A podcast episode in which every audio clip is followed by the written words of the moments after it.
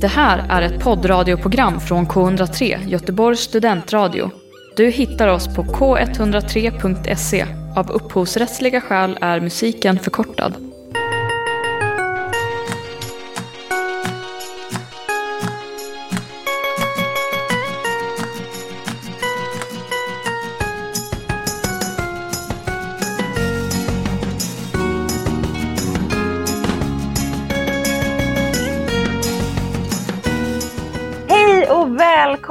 Till tagning 103 här på Göteborgs studentradio K103. Det var ju ett tag sedan men nu är tagning eh, tillbaka med ett avsnitt där vi har massa roliga grejer att bjuda er på. Vi kommer prata lite om vad vi tittar på just nu som vanligt. Vi kommer prata lite om hypen kring film och tv-serier just nu. Eh, sen kommer vi även recensera och prata om The Bear serien på Disney Plus som går just nu. Vi kommer också blicka lite framåt och eh, prata om vad vi ser fram emot. Och som du kommer hänga med här nu under den här filmstunden, det är jag, Eva Gustafsson och Mig, Alice Dryden. Men eh, nu tycker jag att vi ser fram emot en riktigt härlig tid tillsammans, så häng med och så kör vi!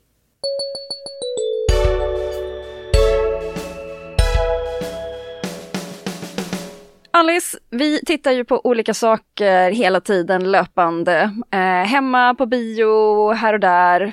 Eh, vad, vad har fyllt dina skärmar på sistone?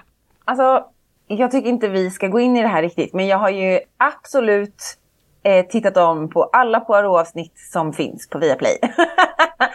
men mer än det så har jag tittat på eh, Loki, säsong 2, som går på Disney Plus just nu. Och sen har jag också sett och är riktigt taggad på eh, The Gilded Age, säsong 2, som precis haft premiär på HBO Max. Mm. Eh, det är två serier som jag verkligen peppat på att de ska sätta igång sina nya säsonger. Hur... Har du sett någon av dem? Nej, jag har inte det. Jag har sparat Loki lite grann. Jag har ju varit bortrest eh, under en, eh, näst, alltså en månads tid här under hösten. Vilket gjort att jag har eh, inte haft så mycket tid att titta på saker. Uh, så jag har lite sparat den till när jag kommer hem, det vill säga nu. Men jag har köpt ganska mycket Loki-merch. Oh, eh, sprang på en hel affär med väldigt mycket eh, roliga saker som, eh, som vi inte kunde låta bli. Men eh, vad är din känsla? Vad, är du nöjd? Jag känner mig nöjd. Jag tyckte ju att, alltså, när Loki säsong 1 kom så var ju Loki och WandaVision, det var ju liksom precis i uppstarten där när Disney Plus började släppa Marvel-serier. Det var ju också den här uh, The Falcon och uh, Captain och The Winter Soldier-serien kom ju också. But we don't talk about that. we don't talk about Bruno. Um, uh, men eh, jag tycker Loki och WandaVision är um, Alltså bland det bästa av det som Marvel släppt de senaste åren. Jag tycker ju att filmerna är ju inte alls eh, lika bra längre. Men, men eh, just de två serierna tycker jag verkligen har, har någonting. De har mycket hjärta i sig. Och jag tycker att eh, Loki säsong 2 tar med sig hjärtat.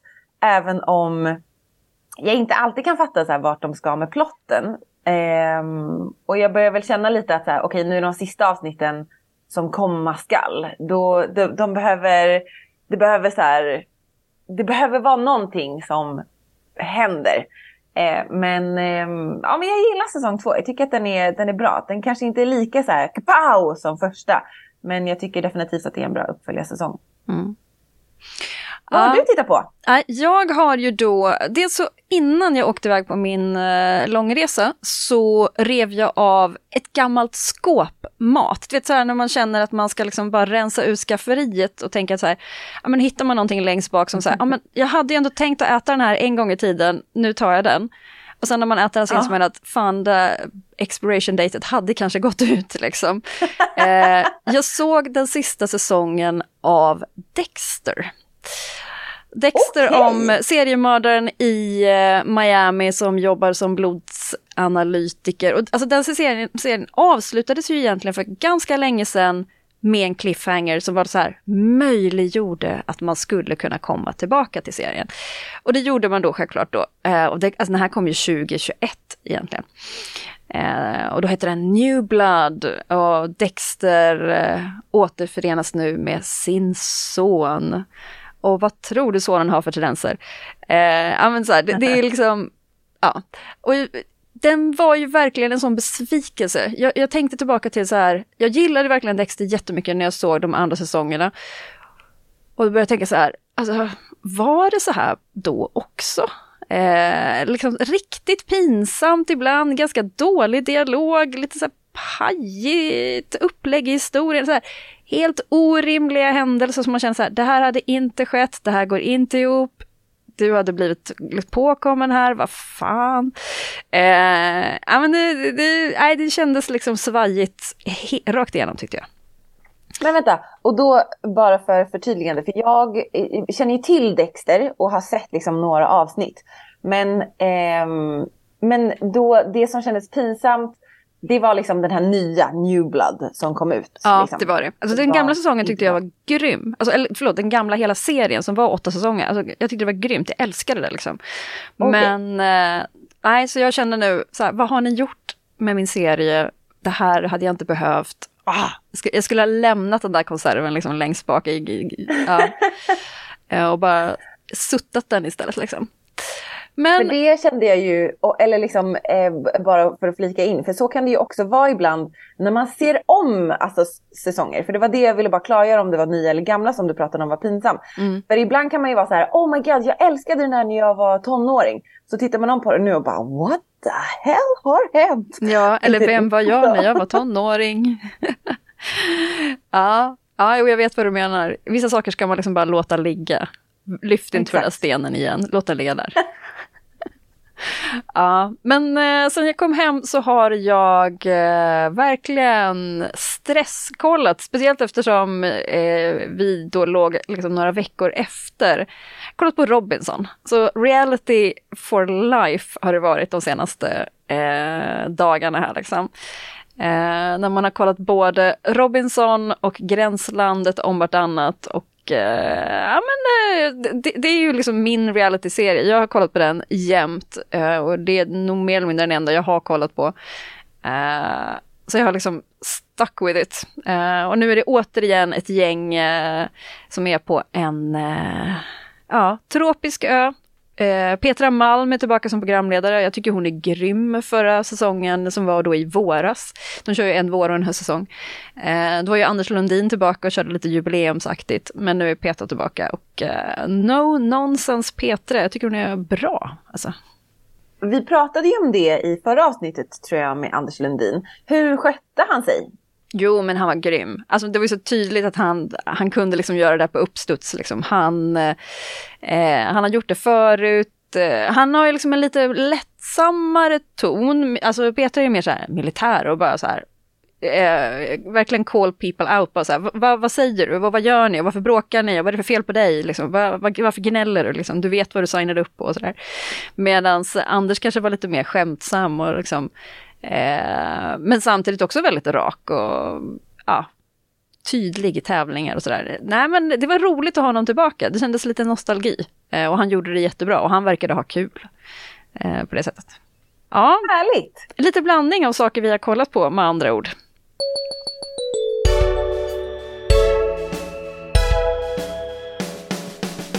Nu ska vi prata lite om hype när det gäller film och serier efter pandemin så, och under pandemin så var det ju väldigt liksom lite, man kunde inte gå på bio. Eh, och, och bion har ju liksom haft lite svårt att göra en comeback. Sen så har vi ju sett den mest hypade biosommaren, alltså som jag kan minnas i alla fall. Alltså det är ju få filmer som har varit så hypade som Barbie och sen Oppenheimer. Och jag vet inte riktigt. Det känns som att det har fallit lite platt. Eller liksom att biovågen toppade där.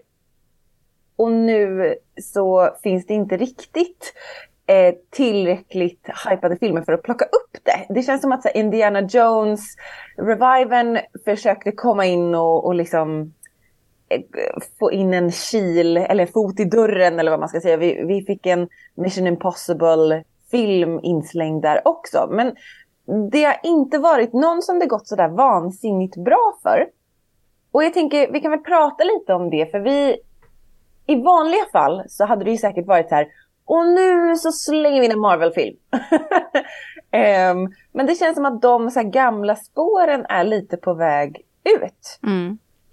Um, men, men, om vi börjar med själva alltså, hype-begreppet också. Just att det, det, var så otroligt mycket snack om de två filmerna Barbie och Oppenheimer.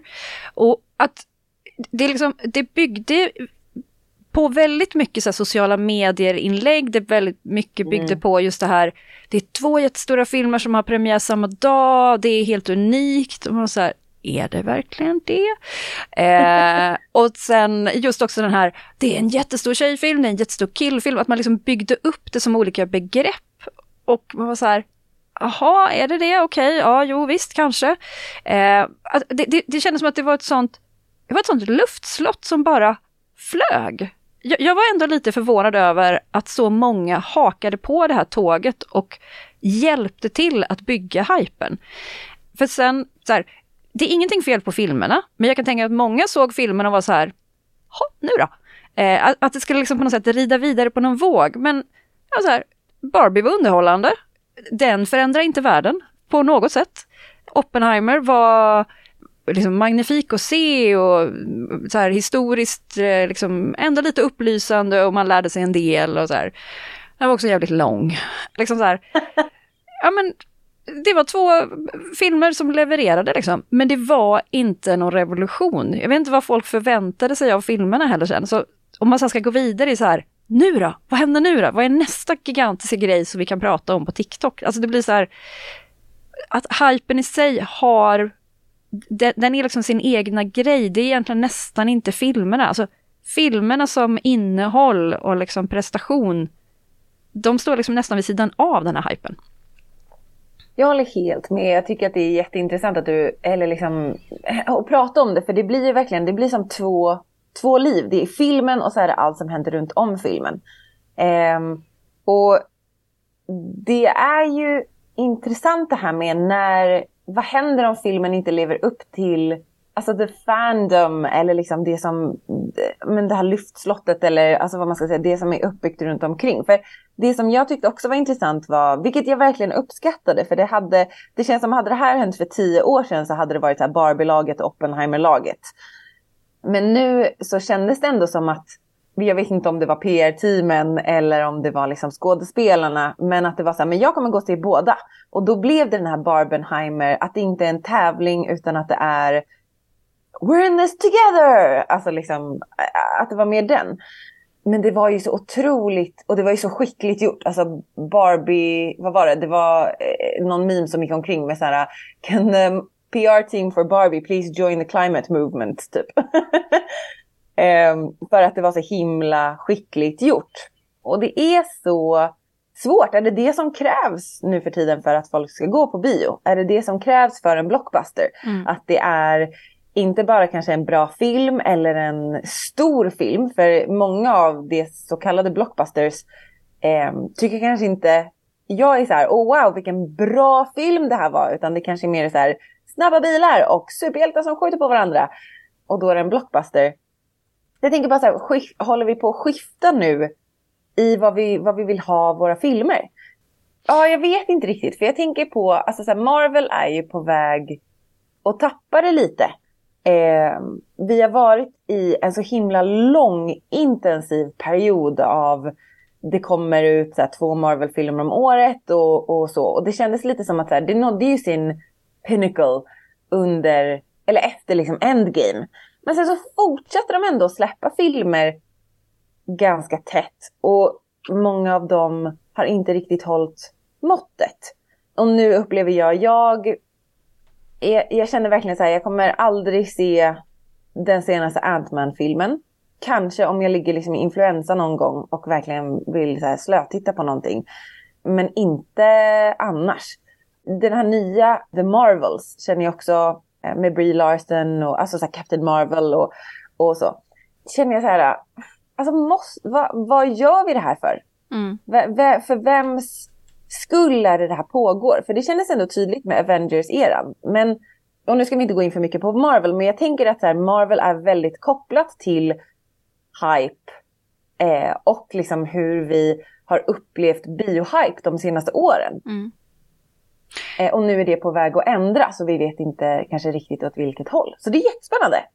Jag, jag ser ju också att den här trenden finns på flera fronter. Eh, där, om, om, man kan jämföra, så här, i Göteborg här i sommar så har vi ju haft en väldigt stor Ullevi-sommar med många spelningar som varit här. Bruce Springsteen har varit här, Coldplay har varit här. Det har liksom varit, det har avlöst varandra med stora akter som har kommit hit och spelat. Och det har varit väldigt så att alla ska gå på Ullevi-spelningarna. Eh, även personer som man så här, jaha, jag visste inte att du lyssnade på de här. Eh, eller så. Och många har varit så här, jag ska gå på alla Coldplay-spelarna. Att det blir liksom en sån hype runt omkring de här stora evenemangen och att alla vill vara med i hypen. Att man ska liksom vara en del av communityt. Innehållet är inte det viktiga, man ska bara vara med. Man visar att man hänger med eller att man liksom, jag har koll, jag är med. Eh, så att, att det är liksom mer en, jag vet inte, det är som en eh, eh masspsykos på något sätt. Men då, eh, två, två tankar där. Alltså jag gillar masspsykosen måste jag ändå säga. Alltså jag köpte helt Barbie Summer. Alltså jag levde mitt bästa liv den här sommaren. Jag älskade hypen kring Barbie. Jag levde för att leva en Barbie-sommar med massa rosa grejer. Köpte en ny rosa matta, älskar den mattan. It gives me so much joy. Och sen så tyckte jag också väldigt mycket om Barbie-filmen. Den var kanske inte lika så här holy fucking shit vilken mindblowing film som jag kanske hade tänkt att det skulle vara. Men jag tyckte ändå att den så här, den hade verkligen hjärtat som jag ville ha. Eh, och, och, som jag byggde min hype kring. Och, de, och de, så där blev jag liksom inte besviken. Och, och jag gillar det här med att man samlas eller att man känner så tillhörighet. Eh, till liksom en, en grupp. Som, sen kan det absolut gå överstyr. Men så jag vet inte, jag, jag, jag ville vara med i masspsykosen. Men min andra tanke är, är det här så nytt då? Är det här liksom en ny grej som vi är på väg in i? Eller, eller är det mer att där, för jag tänker det kan ju inte vara, det är ju, det är ju inget nytt att det bildas liksom, vi pratade om Beatles här. Det var ju också en så enorm masspsykos som folk hade tillsammans på 60-70-talet. Så, så är det så nytt? Nej, jag tror att det var det som jag också var lite förvånad över när folk var så här, det här är never ever seen before med två jättestora filmer som har premiär samtidigt. Jag kände så här, nej, så är det faktiskt inte. Men, eh, men man har ju sett sådana saker som, jag kommer ihåg när Avatar kom, att det var liksom så här, pratades jättemycket ja. om det, när Titanic kom. Men jag tänker att det sprids väl också snabbare nu med att allting kan röra sig så otroligt snabbt i blandade medier. Eh, det är så himla lättillgängligt och alla kan producera innehåll och sprida liksom, och hjälpa till och skapa det. Så att det blir påtagligare kanske. Det, det köper jag verkligen. Det blir påtagligare och men jag tror också typ att det känns lite som att man äger det mer som individ. Att man äger konstverket mer, eller vad, vad, man ska säga, man äger filmen mer för man äger sin upplevelse mer för jag är med och skapar den. Liksom jag jag köper inte bara Barbie-merch utan jag köper den här mattan för jag tänkte på Barbie. Alltså liksom att man, och jag är med och jag kan göra videos som jag lägger upp på TikTok eller på Instagram som, som andra människor kan se och interagera med det. Att man, liksom, man, är, man är med i kugghjulet på ett mm. annat sätt. För förut kanske det har varit liksom att det är PR-team som bygger upp kugghjulet och så sprids det liksom i eh, vanlig vanlig gammelmedia eller vad man ska säga. Alltså så tidningar och det är på TV4 Nyhetsmorgon så kommer den här personen och alla är så här wow, ja, för alla ser TV4 Nyhetsmorgon. Alltså till exempel. Men medan nu är det, det ser ut på ett annat sätt helt enkelt. Ja, jag vet inte. Jag tycker bara att det är jättespännande att tänka på och jag tycker också att det, det den här hypen eh, hör ju ihop med våra liksom, beteendemönster och vad vi, vad vi tycker om och, och vad vi vill ha. Vilket jag också då tycker blir en, en intressant diskussion i vad, vad vill vi ha för typ av filmer? Eh, för det känns ju verkligen som att det är, det är på väg att ändras och det känns som att så här, filmstudiorna hänger lite efter. För de går fortfarande på, ja, jag såg en TikTok som pratade om det här att förut har man gått efter vad vill tonårspojkar se? För ofta det tonårspojkar vill se vill vuxna män se. Eh, så de kommer att betala för biobiljetter. Och eh, mammorna kommer vilja gå med sina tonårspojkar och se eh, filmen till exempel. Och tonårstjejer kommer hänga på för det finns inget annat att se. Och nu så, så ser vi, tycker jag, en skiftning i det. Så här, vad, eh, vi omdefinierar kanske så här, vad vill faktiskt tonårspojkar se och sen, eh, men också att man byter huvudmålgruppen. Så jag, eh, jag ser verkligen fram emot de kommande fem åren i filmindustrin och se vad, vad, vad är det för projekt som får genomslag.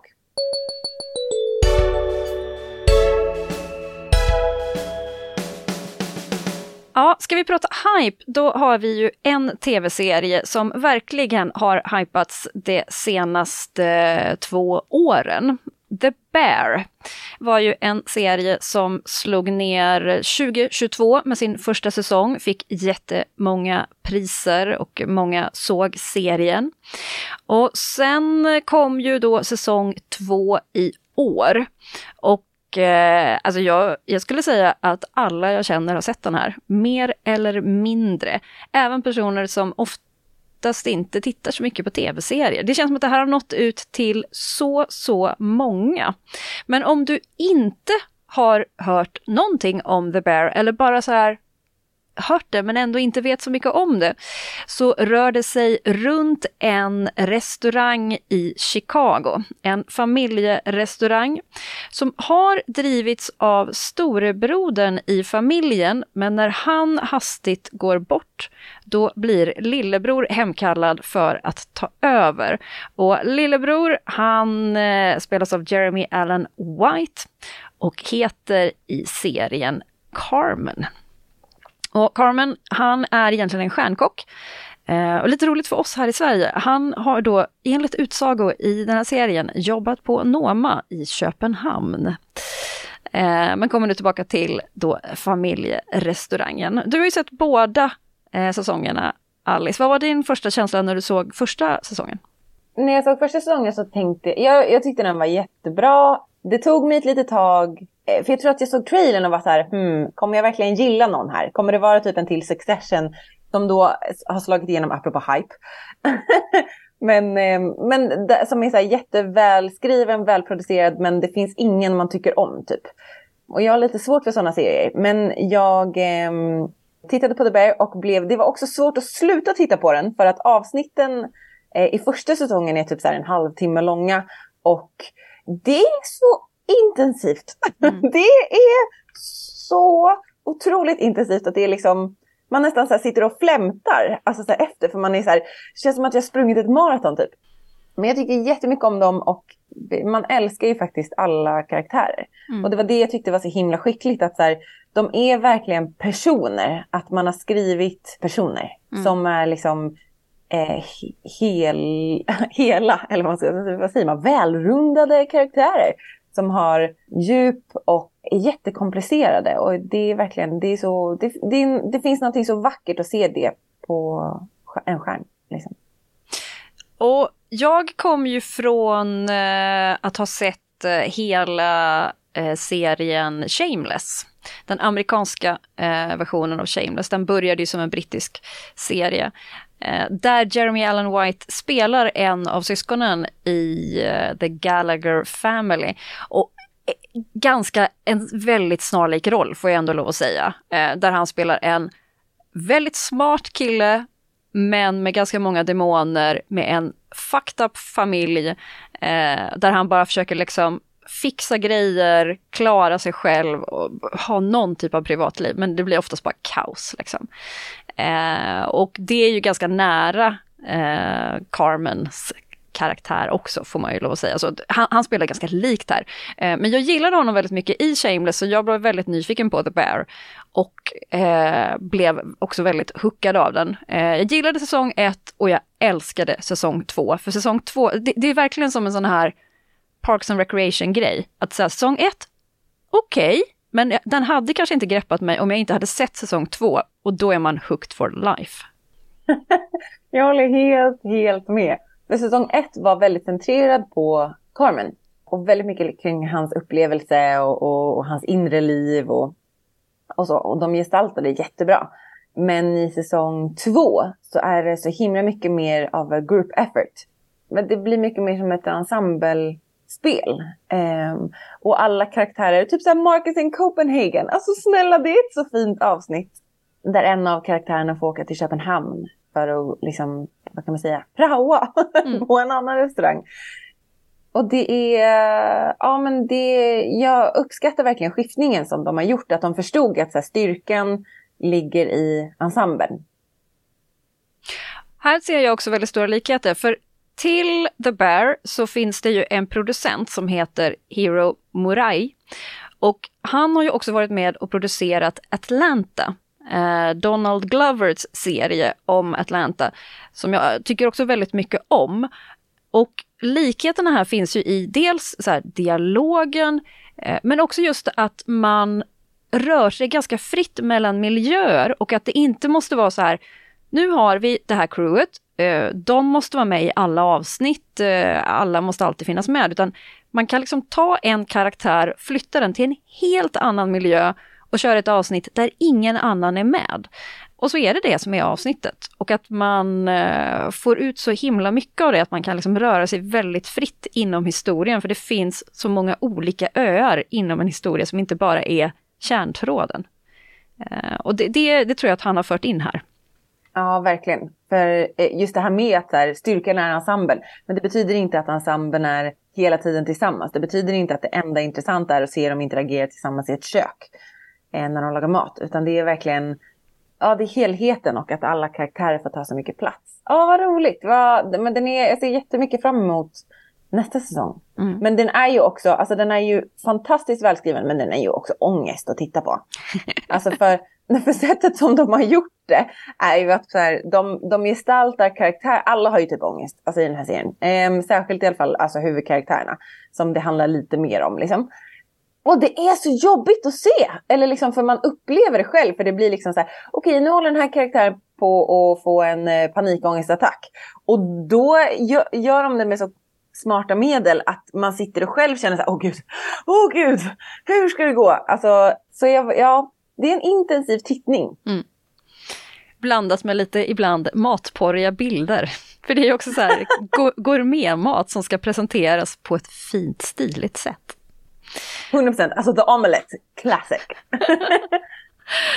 nu, nu kommer ju då säsong två i år, eh, så det kommer ta ett tag innan vi får se säsong tre. Men vad tror du kommer röra sig vidare? Liksom? Vad, vad spår du i framtiden? Jag gissar att vi kommer få se Jamie Lee Curtis igen, att det kommer bli någon form av liksom annan upplevelse. Eh, eller eh, någonting kommer hända i deras relation. För det handlar ju då, Carmen har ju då en syster som är med i den här säsongen mycket mer än i första. Hon är eh, amazing, Natalie. Och deras mamma är med i den här säsongen också. Inte jättemycket, men eh, otroligt också fin skriven karaktär. Särskilt när man eh, då får se specialavsnittet som är som en tillbakablick på en jul. Eh, men sen också i sista avsnittet så, så får man se mer av, av den karaktären. Och det, så jag hoppas att vi, vi kommer få se liksom någon form av mer liksom familjesituation från dem. Jag tror att vi kommer få se mer liksom karaktärsutveckling från Richie. Som, som verkligen utvecklades jättemycket i slutet på säsong två. Eh, vilket var så himla wholesome att se. Alltså mm. det var verkligen, det var, det var så fint. Så jag tror att, eh, och sen så verkade det ju, och nu kommer ju en minispoiler här då. Men eh, Marcus mamma verkade ju ha gått bort, gissar jag. Eh, precis i slutet på säsong två. Så då, det kommer ju säkert innebära jättemycket för hans karaktär också. Så hur kommer, hur kommer de interagera? Mm. Sen kommer det ju vara lite säkert så här, vem kommer vara, vem är Endgame? Kommer Carmi fixa grejer med Claire? Men det kändes inte liksom, eh, Ja, eller kommer kanske han och Sydney bli ihop? Vilka är endgame? Och det är triangeldramat eller vad man ska säga. Mm. Så jag vet inte riktigt. Jag, jag, jag tänker att de kommer spela vidare på på, på de grejerna lite grann. Absolut. Och sen också självklart den, den dolda huvudrollen som är själva restaurangen The Bear. Vad, vad kommer hända med den? Nu har de lanserat sin restaurang. Kommer den flyga? Kommer det gå i konkurs? Vad, vad händer? Kommer den hamna i maffians händer? Vi får se. Ja, vad, vad, vad, ska vi ge The Bear för betyg då som serie?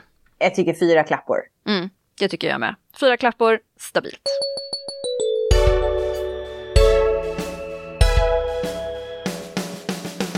Nu tänker jag att vi ska blicka framåt. Men vi har svårt att blicka framåt utan att också blicka bakåt.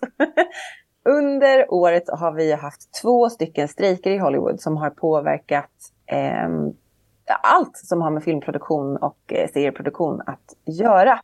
Eh, och det är, vi hade ju en writers strike som nyligen tog, eh, tog slut, tack och lov.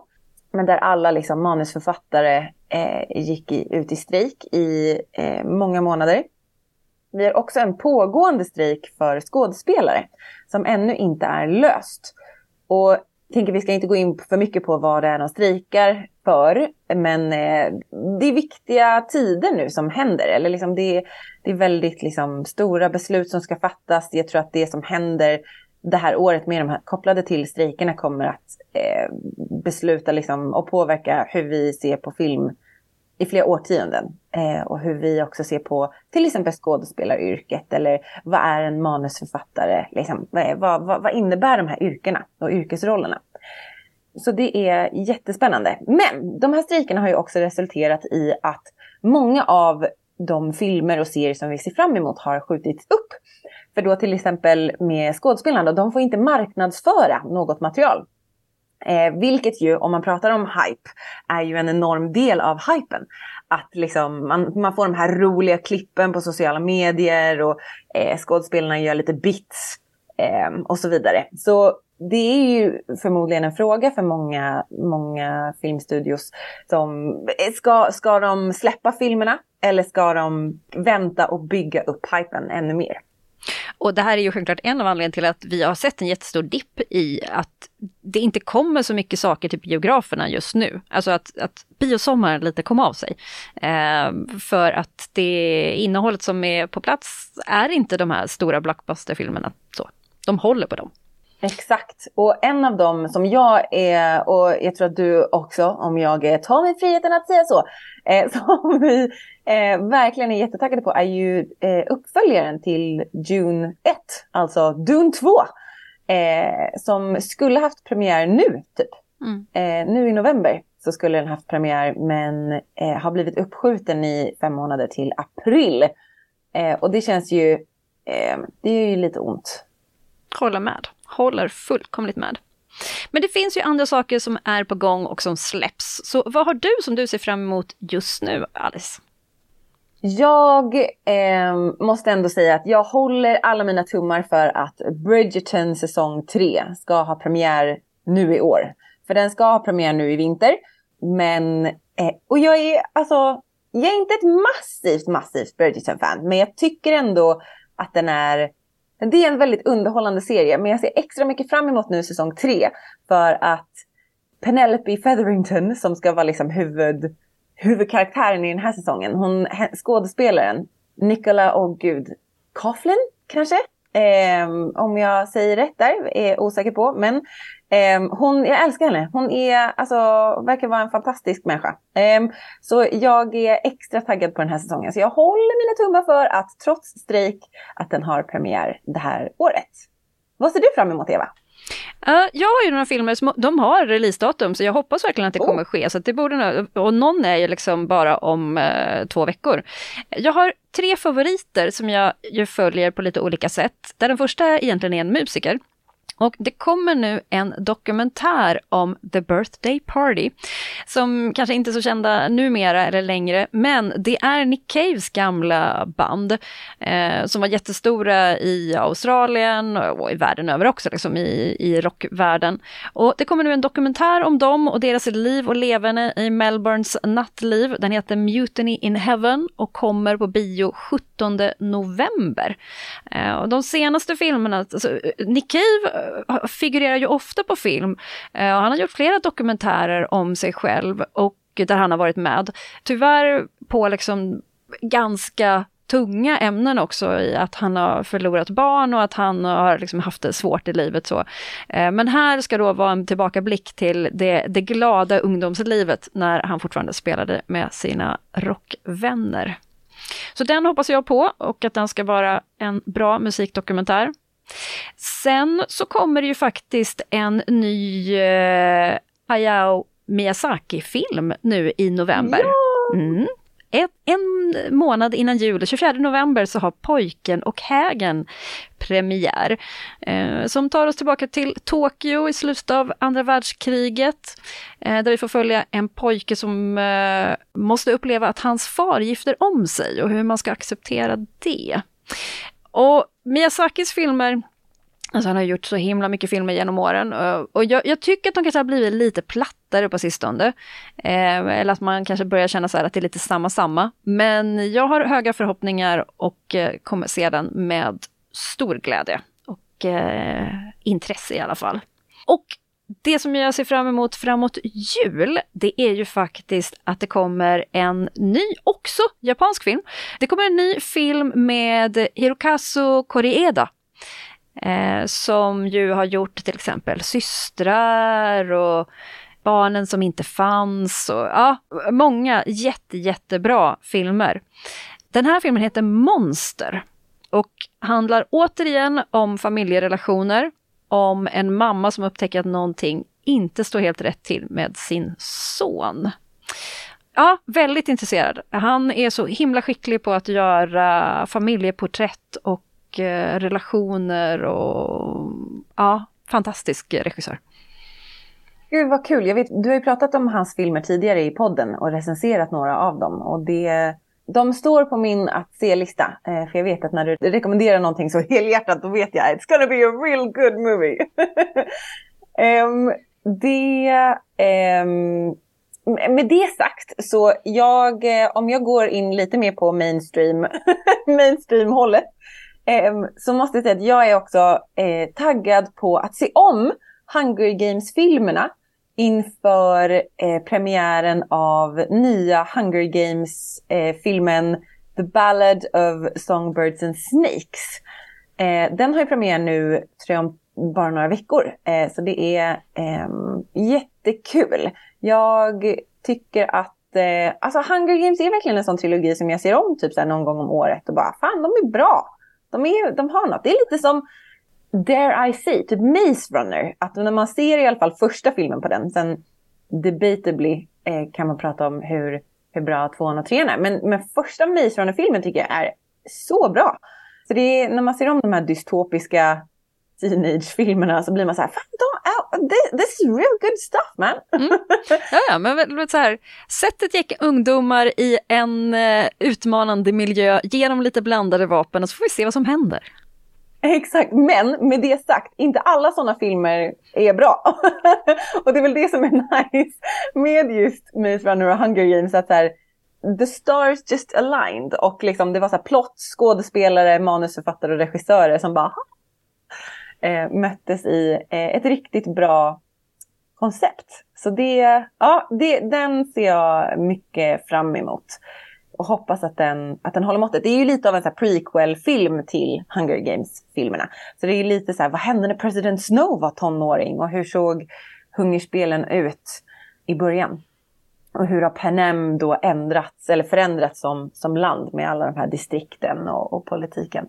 Så det ska bli, det ska bli riktigt spännande att, att se.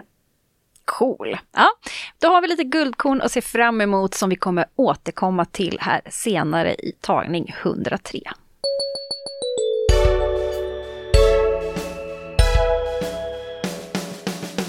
Mina vänner, ni har hört ett helt tagning 103 där jag Eva Gustafsson och Alice Dryden idag har pratat om hype. Hur eh, har hypen varit i sommaren? Vad hände med den? Försvann den under hösten och varför? Och vad, vad innebär egentligen den här hypen för filmvärlden och vårt filmtittande?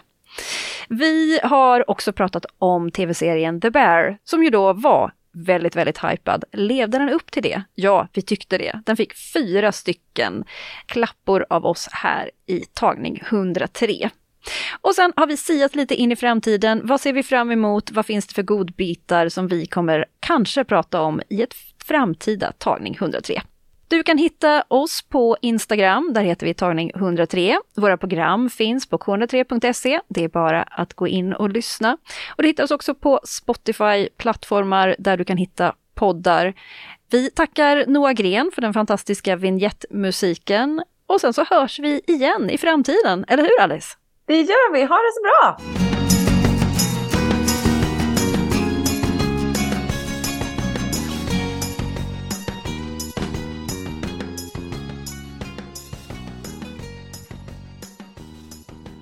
Du har hört en poddradioversion av ett program från K103. Alla våra program hittar du på k103.se. Följ oss gärna på Facebook eller på Instagram. Vi hörs!